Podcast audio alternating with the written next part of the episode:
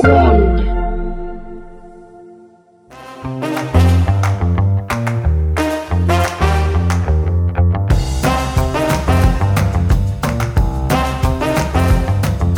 merhabalar değerli dinleyiciler. Want Media Network'ün Emirgen stüdyolarından yine beraberiz. Bugün sevgili dostum Cem Adıyaman'la Cem Yılmaz'ın son filmi hakkında konuşacağız.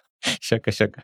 Elon Musk'la ilgili son kitap ve hatta podcastler hakkında konuşacağız. Biliyorsunuz Elon Musk benim sevdiğim bir karakter hakkında yazılarda yazıyorum. Bir de ayrıca Halk TV'de sevgili Burak'la da arada bu konuyu tartışıyoruz. Ama bugün bütün podcast'i Elon Musk'a ve Walter Isaacson'ın Elon Musk'la ilgili yazdığı son kitabı ayırdık. E, Cem daha kitabı okumadı. Ama Daha okumuş bitirmedi. kadar oldu. Okumuş Hayır. kadar oldu. Yaraladım daha bitiremedim Tamam. ama gelmeden önce artık arayı biraz atlayıp sonunu da okuyarak Okudu. sadece son ikinci yarısı kaldı. Ben de tamamını okudum. Sizler de okuyabilirsiniz. Galiba daha Türkçesi çıkmadı ama Kindle'dan alabilirsiniz Evet. eğer İngilizcesini okumak isterseniz. Yakında Türkçesi de çıkar eminim. Ama Walter Isaacson malum bundan daha önce de bir sürü ilginç biyografi kitabı yazmıştı. Amerikalı çok önemli bir gazeteci ve biyografi yazarı. Steve Jobs'ı yazdı ki birazdan biraz mukayese edeceğiz. Jennifer Doudna'yı yazdı. Doudna diye okunuyordur umarım. Bu CRISPR'ı bulan kadın. Benjamin Franklin'i yazdı. 300 yıl önceden bir karakter. Ee, başka da var yazdıkları. Henry Kissinger yazdı. Henry Kissinger yazdı doğru onu da okudum ben. Evet, Evet. doğru. Yani çok çeşitli karakterleri yazdı. Ama ilk defa yani Jennifer Doudna da tabii yaşayan bir karakterdi ama Jennifer Doudna bu kadar flash bir isim değil tabii kim olduğunu siz de bilmiyorsunuz. İşte CRISPR'ın bulan kadın o biraz CRISPR ve Jennifer Doudna Evet, üzerineydi. bir de CRISPR üzerine olduğu için daha ağırlıklı olarak aslında başlangıcı, gelişmesi ve sonucu olan. olan bir şeydi. Ee, Şimdi Elon Musk'ın kitabının sonucu yok. Ee, Hmm. Birazdan onu da konuşacağız. İlginç bir kitap ve bu kadar yaşayan, bu kadar flash bir karakterle ilgili iki sene beraber yaşamışlar. Hep yanında gezmiş. Steve Jobs'la da biraz öyle. Jennifer Doudna ile Benjamin Franklin'le falan olmuyor ama bayağı yakın dolaşmışlar. Ve Elon Musk tabii çok enteresan bir tip. Birazdan hakkında konuşacağız. İstersen başlayalım Cem. Yani sen kitabı bitirince bitirmedin de sonunda okuyunca ne hissettin? Yani aslında sonuna bir anda atlamamın sebeplerinden bir tanesi de yarısına gelirken de sürekli bir havada bir, Bir de- boşlukta Bir olma de şöyle hissi bir vardı. şey var. Şimdi tabii Elon Musk'ın hayatı da bir garip. Yani kitabın yarısına geliyorsun daha 2-3 sene kalmış bugüne. Kitabın yarısındasın. Çünkü adamın son 3 senesinde zaten bir hayat daha girdi. Twitter'ı falan almasıyla. O da ilginç. Ama evet. Yani ister istemez Steve Jobs kitabıyla mukayese edeceğiz. Ve bir ister istemez iki şey sürekli paralel gidiyor olacak. Bir Elon Musk'la Steve Jobs'ı ya da Elon Musk'ı bir şekilde masaya yatırmak. Bir de Walter Isaacson'ın biyografilerini ve onun Evet. gazeteciliği ya da işte yazarlığı, otobiyograficiliği Evet. diyelim yatacak. Kavramlar biraz birbirine karışacak, girecek. Ama şimdi Walter Isaacson'ı şununla itham ediyorlar benim anladığım kadarıyla. Elon Musk'la ilgili kötü bir şey yazmadın diyorlar. Orada da şununla suçluyorlar. İşte bizde uçak gazeteciliği deniyor işte Cumhurbaşkanı Evet. uçağına davet edilmek. Yani access journalism Access bunun journalism, İngilizcesi. evet. Yani bir kişiye eğer o kişi sana erişim veriyorsa, sana hayatını açıyorsa, haberlerini açıyorsa sen de onunla ilgili kötü bir şey yazmıyorsun ki bu ilişkin devam edebilsin. Biraz bununla itham ediyorlar ve kitabı da bir yere bağlamamakla itham ediyorlar. Evet biraz şimdi kitabı özellikle yani benim geldiğim tarafında zaten o kısım oluyordu. Şöyle bir şey çıkmaya başlıyor. Ya işte Elon Musk çok kötü bir çocukluk geçirdi. Ya zaten işte onu Türkçesinde bully Ediyorlardı. edildi. Ee, Onu zorbalık bir- evet onu bir akran söyle- Onu zorbalığına. bir söyleyelim. Yani Evet. Elon Musk'ın ailesi de risk profili yüksek bir aile. Mesela Elon Musk'ın dedesi birine uçak kullanmayı öğretirken elektrik tellerine takılıp ölmüş. Hatta o aynı dede kendisi uçak işine Evet. bayağı bir yoldan geçerken uçak görüp merak salıp girmiş. çiftlikte Kanada'dayken hatta uça- kolay kolay Elon Musk olunmuyor. Evet. Oradan Güney Afrika'ya Oradan bir anda hadi ben Güney Afrika'ya Gitmiş. taşıyayım deyip uçağı parçalarını ayırıp kasa kasa gemiyle yollamışlar. Yollamış. Sonra o uçak da tekrar orada takılmış falan filan. Elon Musk'ın babasının kendi üvey kızından iki tane çocuğu varmış. O da doğru. Yani yüksek risk profilinde yaşayan bir aile. Elon Musk da böyle ortaya Hatta çıkmış. annesi de babasıyla daha rahat bir hayat görece yaşarken bir anda ya bu adamla olmaz deyip işte 300 Evet, kilometre ötede bir yere taşınan. ama. Evet yani ama hani o da evlenmesi de aslında gene riskten. Gene bir gecede karar verip boşanırken de böyle bir, bir gecede neredeyse karar verip. Yani evet ailede hep bir uçlarda yaşama, Evet. çok hızlı karar alma, risk alma ya da bir şekilde bir e, ateşli bir karakter durumu mevcut. Var var. Peki bulu ediliyor çocukken. Ha, kitabın şöyle bir e, sonucu çıkıyor. E, çünkü bir sonuca varmıyor Walter Isaacson hiçbir yerde. Ben hani bir kamerayım.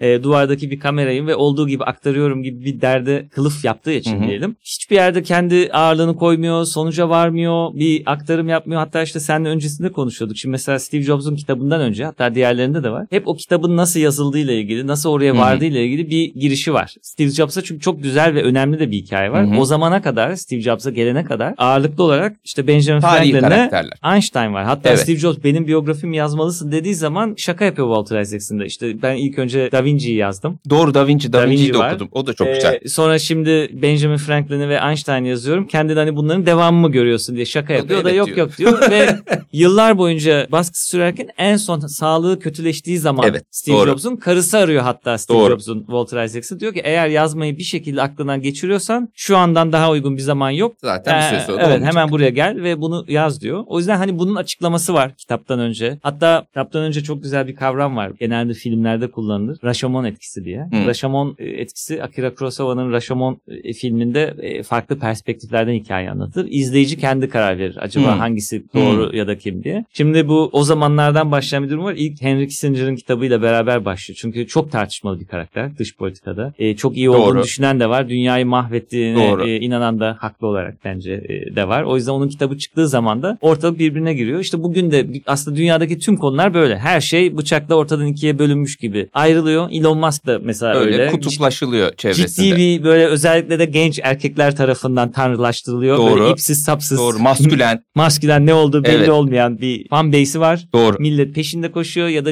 yani söyledikleri ve yaptıklarıyla da aynen burada da bölünüyor. İşte bu Rashomon etkisi oluyor. Hmm. Şimdi bu kitapta aslında eleştirilerden bir tanesi o. Biraz çok fazla. Ya ben bu etkiyi yapıyorum. Okuyanlar da kendi kararını versincilik yapıyor. Evet. Ama e, eleştirilerin çoğu şuraya geliyor ki ya bu böyle hani birden fazla birbiriyle eşit ağırlıkta olayların hani kararını siz veri verin bakalım kim haklı denecek bir durum değil. E, çok ciddi sıkıntılar içeriyor. Özellikle de günümüzde Hı. hani yeni işte sosyal medya olsun, medya yani bahçesi şimdi olsun. Elon Musk zor bir karakter. Evet. E, bir kere Asperger benim gibi.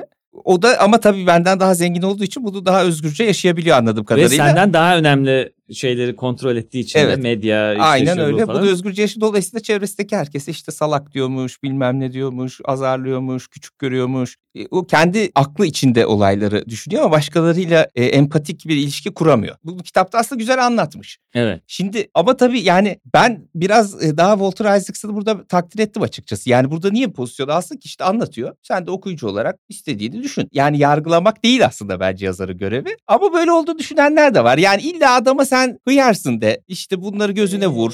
E, yani evet biraz şuradan kaynaklı aslında bizim için Hı hı. bizden kastım da Amerika dışındaki insanlar için aslında biraz buraya yakın ama bizim için de şöyle bir sıkıntı var. Eninde sonunda kitapta hep şuna benzer mesaj çıkıyor. Ya işte zorbalığa maruz kalmış, işte mental Ezilmiş. durum varmış. O yüzden ne yapsa yeridir. Ha. Hem de çok zengin olmuş, başarılı. O yüzden başarıya giden yolda herkes herkesi yapsın gibi bir şey çıkıyor. Özellikle de sadece Hmm. işte Amerika'daki kültürde tabii orası daha kapitalizm üzerine kurulu Hı hı. olduğu için işte tek milyonerler böyle olacak diyor. Ben hatta Amerika dışında şöyle söylüyorum. Özellikle Avrupa'da da var. Bizim coğrafyamızda Hı hı. da var. Lider Doğru. kültü üzerine. Doğru, Ya doğru. lider işte çok zorba bir lider. Onları bunları yapıyor ama bak böyle böyle artıları da var gibi Evet. bir bir e, şeycik var. yani hani böyle hakkına böyle buna Türkçesini söyleyeyim hatta böyle şeylerin. Yani onun adına özür dileyencilik. Evet, evet. E, hep böyle görmezden gelmecilik Evet. gibi doğru. bir şey kültür Doğru. çıkartıyor. Yani kitabın aslında şeyi e, sıkıntısı Amerika'daki özellikle eleştirisi oradan çıkıyor diyeyim. Ben Türk olarak okuyunca bayağı Türk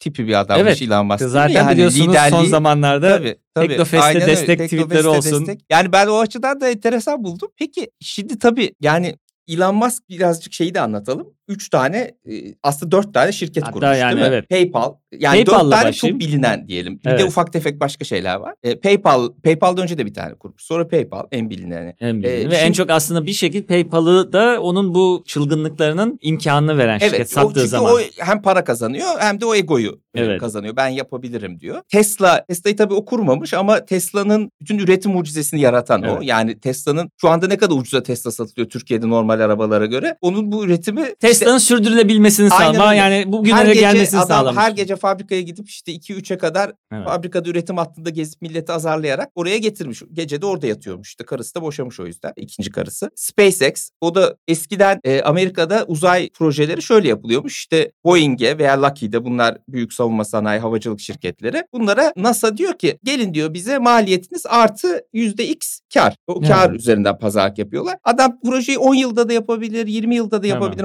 Maliyeti ona göre belli oluyor. Üstte de belli bir yüzde kar alıyor. Elon Musk NASA'yı şuna ikna etmiş. Ya siz bana roketi atabilirsem fix bir para verin. e, maliyeti ben ayarlayayım. Zarar da edebilirim, beceremeyip. Evet. Çok maliyetli olabilir. İşte ucuza da mal edebilirim ve daha etkin çalışayım. Bunu ikna ediyor ve bunu yapıyor. Bugün Evet. gerçekten e, gidiyor bu roketler. Çünkü bugüne kadar yapılmayan bir şey yapıyor, çözüyor bir mühendislik olarak. Reusable. Evet ama Yani- niye onu reusable yapıyor? Yeniden kullanılabilir yapıyor. Çünkü Maliyet ucuza. Çünkü Boeing veya Lockheed e, istediği kadar fazla da hepsini zaten parasını devletten Evet. alıyor. Sistemi değiştiriyor adam. Çok önemli bir şey. Evet. E, Şimdi de Twitter'ı aldı. Twitter tabii aldı da kendi de pişman oluyor. Kitapta da anlatılıyor bu. Önce vazgeçiyor sonra Evet. tekrar mecbur kalıyor. İşte belki bir an bir egosuna yeniliyor. Ama Twitter'ı da şu an adam etmek için bir şeyler yapıyor kendi kendine. İşte para vermeye başladı tweet atanlara. İşte mavi tıkları e, daha şey erişilebilir hale getirdi. Şeyler yapıyor Evet, yani. zaten Aklında bazı aslında- fikirler var ama bir de bence en önemli mucize e, bu Scott Galloway'in şeyinde de hep söylüyor. Yani Twitter'da ya kardeşim personeli yüzde sekseni işten attı. Sistem aynı şekilde çalışıyor. Bence bu müthiş bir şey. Yani demek ki yüzde seksen hiçbir şey yapmıyormuş. Hiç kimse çalışmıyormuş. Şöyle şirkette. yani hem evet hem hayır ama şuna döndü aslında. Elon Musk'a rağmen Elon Musk sayesinde Evet. çalışır hale geldi. Çünkü eskiden aslında Twitter bir medya şirketiydi. Evet. Amacı nedir medya şirketinin? Reklam almak. Doğru. Reklamı daha fazla alabilmek ya da bir şekilde alabilmek için de buna bir içerik üretmek. İnsanların yazdıkları bir içerikti. Bu içerikleri işte sponsorların olması, ma- markaların reklam vermesiyle beraber de kendi devam etti. Şimdi Elon Musk'ın gelmesiyle bir kere getirdiği toksik kültür ve Evet. pek çok yanında değişik değerleri Şeyi diyelim de ona. bir anlatalım. Unutma lafını. Şimdi Elon Musk Twitter'ı alınca en önemli hedefi milleti işten çıkarmak. Çünkü maliyetler çok yüksek. Önce bir şey yapıyor. e, Code review deniyor buna. İşte herkes yazdığı kodu da getirsin bakacağım diyor. Oradan bir eleme yapıyor. Sonra tabii bu yetmiyor. Şöyle bir şey yapıyor. Bir e-mail yazıyor bir gün. Diyor ki bundan sonra diyor çok çalışılacak diyor. Öyle diyor işte akşam 5'te kapatmak yok bilgisayarı diyor. Buna var mısınız? Varsanız Evet deyin işte kalın yoksa hepinize 3 aylık Amerika'da böyle bizdeki gibi değil iş kanunları yani tazminat falan vermezler. 3 aylık maaşınızı da tazminat olarak vereceğim sizi kovacağım diyor ama var mısınız diyor yani gireceğim diye işaretlemen gerekiyor evet diye. Oradan da bir yüzde elli falan gidiyor. Sonra yetmiyor. Diyor ki bana sadık olmayacakları atmak istiyorum diyor. Bir ekip görevlendiriyor. Bu arada ekipte yeğeni falan var yani. Zaten herkes Musk'ın ya kardeşi ya Tabii, yeğeni tabii, tabii, evet. tabii ailecilik. Ondan sonra ve şey yapıyor. Diyor ki eski Slack görüşmelerini, mesajları falan okuyun. Şirkete sadakatsiz olabileceğinden şüphelendiklerinizi atacağım diyor. Öyle de bir yüzde yirmi otuz atıyor. İşte yüzde seksen böylece e, şeyi azaltıyor. Sen lafını unutma Twitter'daki toksik kültür diyordun. Yani hayır işte şuna yol açıyor. Zaten ilk gelir gelmez bir kere bu geçen 6 Ocak olaylarında Trump'ın Evet. yasaklanması bir Trump'ı getirecek Getirdi. getirmeyecek sonra Trump da getiriyor. gelmedi ama Trump, gelmedi, ama getirdi getirmeyecek gibi böyle bir tartışmalar oluyordu. Hayır zaten önce bütün bu hareketlerle reklam verenleri kaybetti. Evet doğru. Aslında doğru. e, kâra geçireceğim derken gelirlerin çoğundan Doğru. olmaya başladı. Hatta neredeyse hepsine oldu. Şu anda reklam verilmeyen, tercih edilmeyen Doğru. bir Şey yapıya oldu. dönüştü Evet. Twitter. Bunun da as- aslında arkasında kitapta hep bundan bahsediliyor biraz. E, hakkında diğer okuduklarımda da daha bu Twitter işleri çıkmadan önce de bir ciddi bir takıntısı var Elon Musk'ın. O da Mars'a gitmek. Hı. Mars'ı kolonileştirmek ve bütün bu yaptığı aslında ticari girişimler öyle ya da böyle kar etme hırsı olabildiğince büyümesi işte rokette bunun parası hep buraya doğru yönelik. Yani öyle bir para olması lazım ki sınırsızca research'e ve bu işte kolonizeye ben harcamalıyım. Yani böyle bir takıntısı var ve kaybettiğimiz her zaman işte dünyanın sonunu getiriyor. Evet yani şu, aslında bu tabii bir kişilik problemi insanlığı kurtarabileceğini düşünüyor değil mi? Kitapta öyle bir şey de söylüyor bunu. Diyor ki Elon Musk aklına gelen her fikri insanlığı kurtaracak bir fikir olarak düşünür. Öyle modeller onu bir iş haline çevirir sonra bundan para kazanmayı da becerir.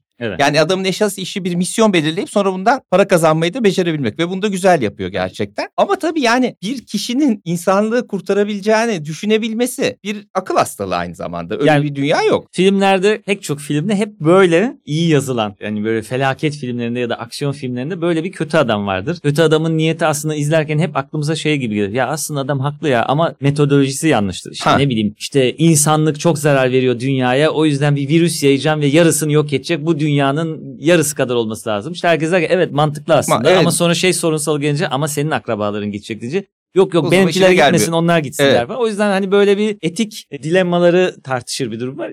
Elon Musk aslında karikatürize bir film kötü Karakteri. adamı gibi. Yani bir de şunu yapıyor. Her zaman benim yaptığım işler insanlığın toplamı için iyi. Ama arada collateral damage olarak yani işte burada işten atılanlar, bully edilen olabilir, şu olabilir, bu olabilir. İşte Twitter'da toksik içerikler artabilir filan. O, o kadar collateral damage olur diyor. Yani toplama bakıyor. Bu da aslında bir Asperger Tabii. şeyi. İşte kitabın zaten aslında bütün bunların en iyi örneğinin olduğu örneklerden bir tanesi. Kitapta da eleştirilerden çoğu Amerika'da o yüzden çıkıyor. Hı. Gene bizi daha az ilgilendiren bir şey ve Amerika'yı çok ilgilendiriyor. O da Ukrayna ve Evet. Starlink Evet. konusu. Bu çok çok tartışıldı. Hala da tartışılıyor ve tartışılmaya da devam edecek. Ukrayna tabii askeri operasyon önem bölümünü Starlink üzerinden yürütüyor. Bunu Ruslara saldırıda kullanmasına yani Rusların elindeki topraklara saldırıda kullanmasına izin vermiyor. Evet. Ee, buradaki tartışma konusu da şu. Buna izin verip vermemesi değil. Bu izin verip verme yetkisi nasıl Elon Musk'ta veya bir herhangi bir kişide olabilir? Tabii. Şimdi burada aslında iki tane var tartışma. Birincisi kitapta bu yazıyor. Hı hı. Sonra röportajlarında Walter Isaacson şöyle dedi. Ya aslında ben öyle yazdım ama izin vermiyor değil zaten kapalı olan bir şeyi açmıyor. Ha, evet. gibi bir hafif Evet. kıvırır gibi oldu. O Evet. yüzden bir kere burada bir eleştirildi. Ya sen niye onun adına bu konuya bu kadar çok savunuyorsun ve, ve yazmıyorsan niye yazmıyorsun? Bu kadar kritik bir konuda madem böyle iki yıldır bakıyorsun. Bir kere o oradan bir Amerika'da çok top atıldı. Çünkü çok ciddi bir ülkenin ulusal güvenlik Doğru. konusu. Çünkü e, Amerika Ukrayna'da birebir taraf. destekliyor tabii. Desteğin ötesinde taraf Rusya'nın birebir karşısına Karşısında, yer alan tabii. bir diğer Tabii, hani güç. tabii.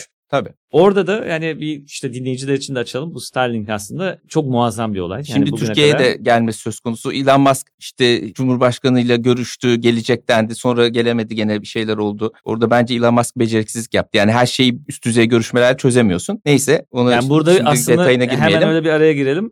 Bütün bu işte etik, psikolojik konulardan bağımsız olarak inanılmaz bir mühendislik başarısı var. Evet. Şimdiye kadar hiçbir işte Boeing, Lockheed falan o yörüngede o yüksekliğe çıkamıyor. SpaceX ile Elon Musk bunu başardığı için sonra da Elon Musk diyor ki ben buraya böyle bir uydu serisi yapacağım diyor. Binlerce Ee, uydu atıyor. binlerce uyduyu atabiliyor. Tak tak tak tak ve hepsi de işte reusable roketler, Evet. tekrar kullanılabilir roketlerle olduğu için de maliyeti çok düşük ve böyle inanılmaz bir uydu silsilesi diyelim. Evet. Böyle hatta bazen gece gökyüzünde görülür bilmeyenler aa işte UFO mu geçiyor ne geçiyor diye böyle Starlink nokta geçiyor. nokta nokta nokta nokta yörüngesinin altında Türkiye olduğu zaman böyle görülüyor. Bu konuda işte bir noktadan sonra şuraya geliyor. Gerçekten evet bir kişi doğru da yapabilir yanlış da yapabilir ama bu tür kararlar ulusal güvenlik e, Kim versin? aparatları Evet. oluyor. Burada da yani bunun akademileri olur, yıllarca çalışılır, senaryolar çalışır. Hani sen yanlış karar da verebilir bu Evet. akademi ama bu akademide yanlış karar olduğu zaman B planı da zaten onlarca e, bu konunun uzmanı tarafından tartışılmıştır. İşte askeri uzmanlar, sosyologlar, işte Veya çevreciler. demokratik süreçler içinde Tabii. karar verilebilir. Ama yani ben şuraya gelmek istiyorum. Ya bazen de bu demokratik süreçlerde veya bütün uzmanların toplandığı zaman o kadar düşünüp para harcayıp, zaman harcayıp, enerji harcayıp verdiği kararlar da o kadar yanlış oluyor ki. Bazen de yani Elon Musk'ın verdiği kararlar daha doğru oluyor. Yalan Ya, mı? E, Şöyle zaten yalan millet şimdi popülizm falan otoriter rejimler niye güçleniyor? Herkes bunu düşünüyor. Ya diyor zaten adam yani uzmanına da bıraksak yanlış karar veriyor bari bu karar versin diyor. Ama tabii oradaki fark şu oluyor. Uzmanın verdiği yanlış kararda iki şey oluyor. Bir hesap verilebilir Doğru. oluyor. Uzman onu verdiği Doğru. zaman e, başka uzmanlarda olduğu için e, bir Tartışılabiliyor. şekilde tartışılabiliyor. Yanlış karardan geri dönülebiliyor. Ya da ikincisi gene dediğim gibi bir işte kurul, konsey bir şey uzmanlar olduğu için o yanlış kararın da zaten bir B planı yapılmış, olduğu Yapılmış için oluyor. diyorlar ki yanlış verdik ama Doğru. hadi o senaryo Doğru. devreye girsin Doğru. diye giriliyor. Bir de zaten yanlış karar olarak değil de o tercihin sonuçları hani Ye- beklenmek. İdeal Evet. işleyen senaryoda Sistemler. diyorum. Tabii, bir hani doğru, nepotizmle doğru, amcasının oğlunu falan Doğru. almadığı Doğru. iş. Ki onda bile ideal işte senaryoda nepotizm sonunda yıllar yıllar sonrasında mahkemeler oluyor, hearingler oluyor, Oluyor, doğru. Amerika'da bir şey ve Doğru. ortaya çıkıyor, afişe Doğru. ediliyor. Gene Vesaire vesaire. Mesela işte bu gene Donald Trump olayı 6 Ocak işi. Ee, Hala işte Amerika'da biliyor oluyor dendi ama bir daha asla olmaması için Tedbir sistem inanılmaz Doğru. kendini koruyor, kolluyor. Evet oldu ama bir daha asla olmayacak Doğru. gibi doğru. bir şeye geldi. Hani bu da Doğru. bir e, not olarak e, koyalım. verelim. Şimdi yavaş yavaş bitirirken ben Bitirmeden şunu yapal- yapacağız dedik. Dinleyiciler için onu da yapalım. Çünkü ben önemli olduğunu düşünüyorum. Steve Jobs'la ve o kitapla neden ya da Evet. Isaacson'ın diğer kitaplarıyla karşılaştırma hemen bir en şey çok göstereyim. hangisini seviyorsun? Steve Jobs mı? Ya Steve Jobs'ı tabii ki haliyle Da Vinci çok de çok güzel seviyorum. bu arada. da Vinci de Tabii, çok, çok güzel, güzel. ama Steve Jobs'un şöyle bir özelliği var. Bizim hayatlarımızda öyle özel bir döneme Doğru. denk geliyor ki Steve Jobs'ın kendisi ve bu icatların çıkarışı ve bir de yani Steve Jobs gerçekten o sunumları sunumları, bir saatlik o keynote'ları daha heyecanla beklenen müthiş bir konuşmacı, müthiş bir showman. Ee, insan olarak da yani karşılaştırabiliyorsunuz belli bir entelektüel seviye olarak çok çok daha yukarıda düşünce yapısı. Karşılaştırıldığı zaman işte şu çıkıyor zaten. Şimdi Steve Jobs'un yaptığı şeyler müziği tamamen değiştirmek. Hmm. Pek çoğu olmayan Ürünler yarat. çıkarmak. Yani Apple Store mesela böyle Doğru. bir garip teknoloji gadgetların olması ve bunun dükkanı yapılması yoktu. Yapıldı. iPhone. iPhone. Onun öncesinde iPod. İşte. CD'ler, Discman'ler deniliyordu. Şimdi biraz orada ayrışıyorlar. Elon Musk'a ne dedik? İşte bu zamana kadar NASA şöyle yapıyordu. Bunu geliştirdi. Yani zaten aslında var. Benim çocukluğum roketlerin Doğru. e, Ama gitmesini gördü. Elon Musk olan şeyleri daha e, Optimize verimli, edişi. daha ucuza, daha ölçekli yapma konusunda çok iyi Hani biraz aslında. şey gibi. Birisi iyi bir mühendis, birisi iyi bir tasarımcı evet, gibi kabaca. Ya Elon Musk'ta bir tasarım boyutu yok. Yok. İşte öbürü mesela araba. Zaten hepimiz arabaya Evet. biniyorduk. Dedik Evet. işte bu araba aynı gözüküyor kabaca. Bu ama benzinli, bu elektrikli. Gibi. İşte optimize Evet. edilmiş süreçler işte roket fırlıyor, e, Doğru. şey yapılıyor. Doğru. Durumları olduğu için işte Steve Jobs da gerçekten insanların hayatını değiştiren, dokunan Doğru. ve böyle bakmaya doyamadığı, hediye etmeye doyamadığı bir de daha küçük ve daha ucuz e, aletler olduğu için herkesin bir şekilde hayatında olabilen kim, kim şimdi roket alacak? Tabii telefon da roket fiyatına geldi ama. Ya, evet olsun. Türkiye'de biraz öyle. Herkes uzaya gidecek kadar aldı ama hani böyle bir boyutu da var. O yüzden de kitapta diğerlerinde aldığımız hazzı tam alamıyoruz. Doğru. Çünkü diğerlerini takip etmek, okumak çok heyecan vericiyken buradaki bir de şundan da aradaki yıl farkı. Ya bunların hepsi gözümüzün önünde oldu, zaten. Tabii bir aslında bir özet gibi. Evet. Ama ben yine de çok hoşuma giderek okudum. Yani derli toplu güzel hiçbir yerde yazılmamış şeyler, e, anılar, E, olaylar. Walter Isaacson'ın da tabii, tabii. yazarlık başarısı orada devreye Şimdi giriyor. Walter Isaacson Steve Jobs'ın kitabının ikinci baskısında diyelim. e, yani birkaç sene sonraki baskısında bir epilog yazmış. Orada diyor ki ben diyor birinci baskıyı yaptık yayınladık falan diyor. O günden beri işte çeşitli etkinliklerde, kokteyllerde, partilerde yanıma hep erkekler ama erkekler gelip diyorlar ki ya kitabı okudum Steve Jobs'ı aslında şurası da bana çok benziyor. Aslında burası da bana çok benziyor. Beni de yazsa. Ya Elon Musk'a da acaba böyle yerden çıkar mı? Yani ben de bunu ben, de biraz böyle şey yaptım ama yani Ee, gene de Bizim bu programımızda az önce çıktı zaten. Çıktı. Buradaki iki kişiden bir tanesi Ama- böyle düşünüyor. Ya gene de tabii dinleyicilerimize biraz şey yapalım. Yani bir Elon Musk olduğunu da düşünmemek lazım. Adam gerçekten hem hem şansı çok yaver gitmiş hem de herif Evet. dahi derecesinde bir aklı var bence. Yani hani kariyerimizle veya özel hayatımızla ilgili kararlar alırken Elon Musk'mışım gibi davranmamak lazım. davranmamak lazım. Yani tabii bir de yani şansın yanı sıra şunu da söylemek lazım. Hani böyle işte akran zorbalığı, zor çocukluk babası yapmış diyoruz ama yani bayağı aslında imkanlarla ve rahatlıkla Tabii tabii zengin bulunduğu, bir aileden. tabii bulunduğu ülkenin de ayrıcalıklı Tabii, sınıfı ki tabii, bu yasal tabii. olarak ayrıcalıklı oldukları o dönem Güney Afrika'da hala apartheid rejimi devam Zamanında ederken tabii. İlginç bir şey. O zamandan beri de gitmemiş memlekette. Bir kere gitmiş. Öyle bir şey de yok yani. Yani adamın şeyi yok aslında böyle. duygusal herhangi bir tepkime içinde Evet. bir bağ. Öyle bir şeyi yok. 11 çocuğu var. Bir tanesini Evet. gördü e, televizyon ekranlarında. yakın. 10 tane daha. Bir tanesi e, transseksüel. Bir tanesi otistik. E, Tabii 11 tane olunca istatistiksel Ee, olarak şansı bir artıyor. tanesi bu arada yani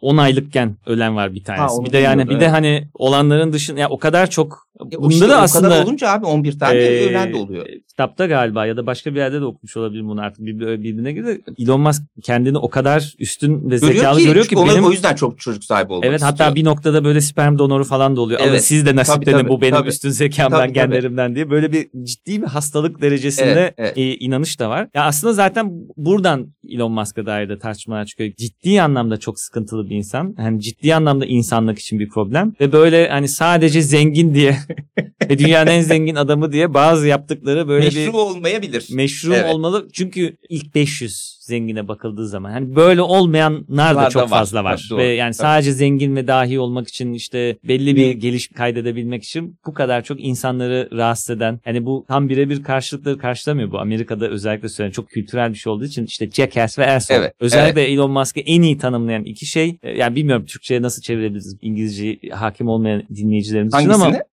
Yani ikisinin literal çevirisi değil ama hani bunların işte Göt lalesi. yani belki evet hani bunun gibi karşılıkları var. Deniyor belki Deniyor, ne bileyim evet. bu, bunun gibi argoda çok fazla karşı var ama bu Amerika'da kültürel olarak hani ciddi bir şey. Ee, pek çok kişi için böyle Hmm. ve insanlar da bunu söylüyor. Tamam evet yani gerçekten hani dahi olmanın ve problemli kişi konu işte Steve Jobs da dünyanın en pamuk insanı değil. değil. Steve Wozniak da hep onu söylüyor. Tabii. Yani ben onun yerine ben yönetseydim çok daha az insanın hatta hiçbir insanın kalbini kırmazdım şey Ama yapmazdım ama Macintosh'tan ödeye Evet. geçemezdik Evet. diyor. Evet yani olabilir ama gerçekten arada şey farkı var. Hani Evet bisiklet farkı zor var. kişilik olmakla toksik olup Evet. etrafa Evet. zarar verecek kişilik olmak arasında ciddi bir fark var. Evet. Tabii Steve Jobs kaç yaşında öldü? 57 mi? 57 gibi oldu. Yani onun da sonunu görmedik ama Allah rahmet eylesin. sonunu görmedik ama işte geldiği yerde zaten hani Evet. e, sevimsizliğinin tepe noktası Tepe olacak noktası, bir yaştaydı doğru, aslında. doğru, hani gördüğünüzde doğru. bundan sonrası aslında daha pamuklaşma Doğru, normalde insanlarda Doğru. doğru. e, Oraya doğru olacağı gidiyordu. zamanda olacak. Evet peki sevgili dinleyiciler e, kitabı mutlaka okuyun. Evet. E, ayrıca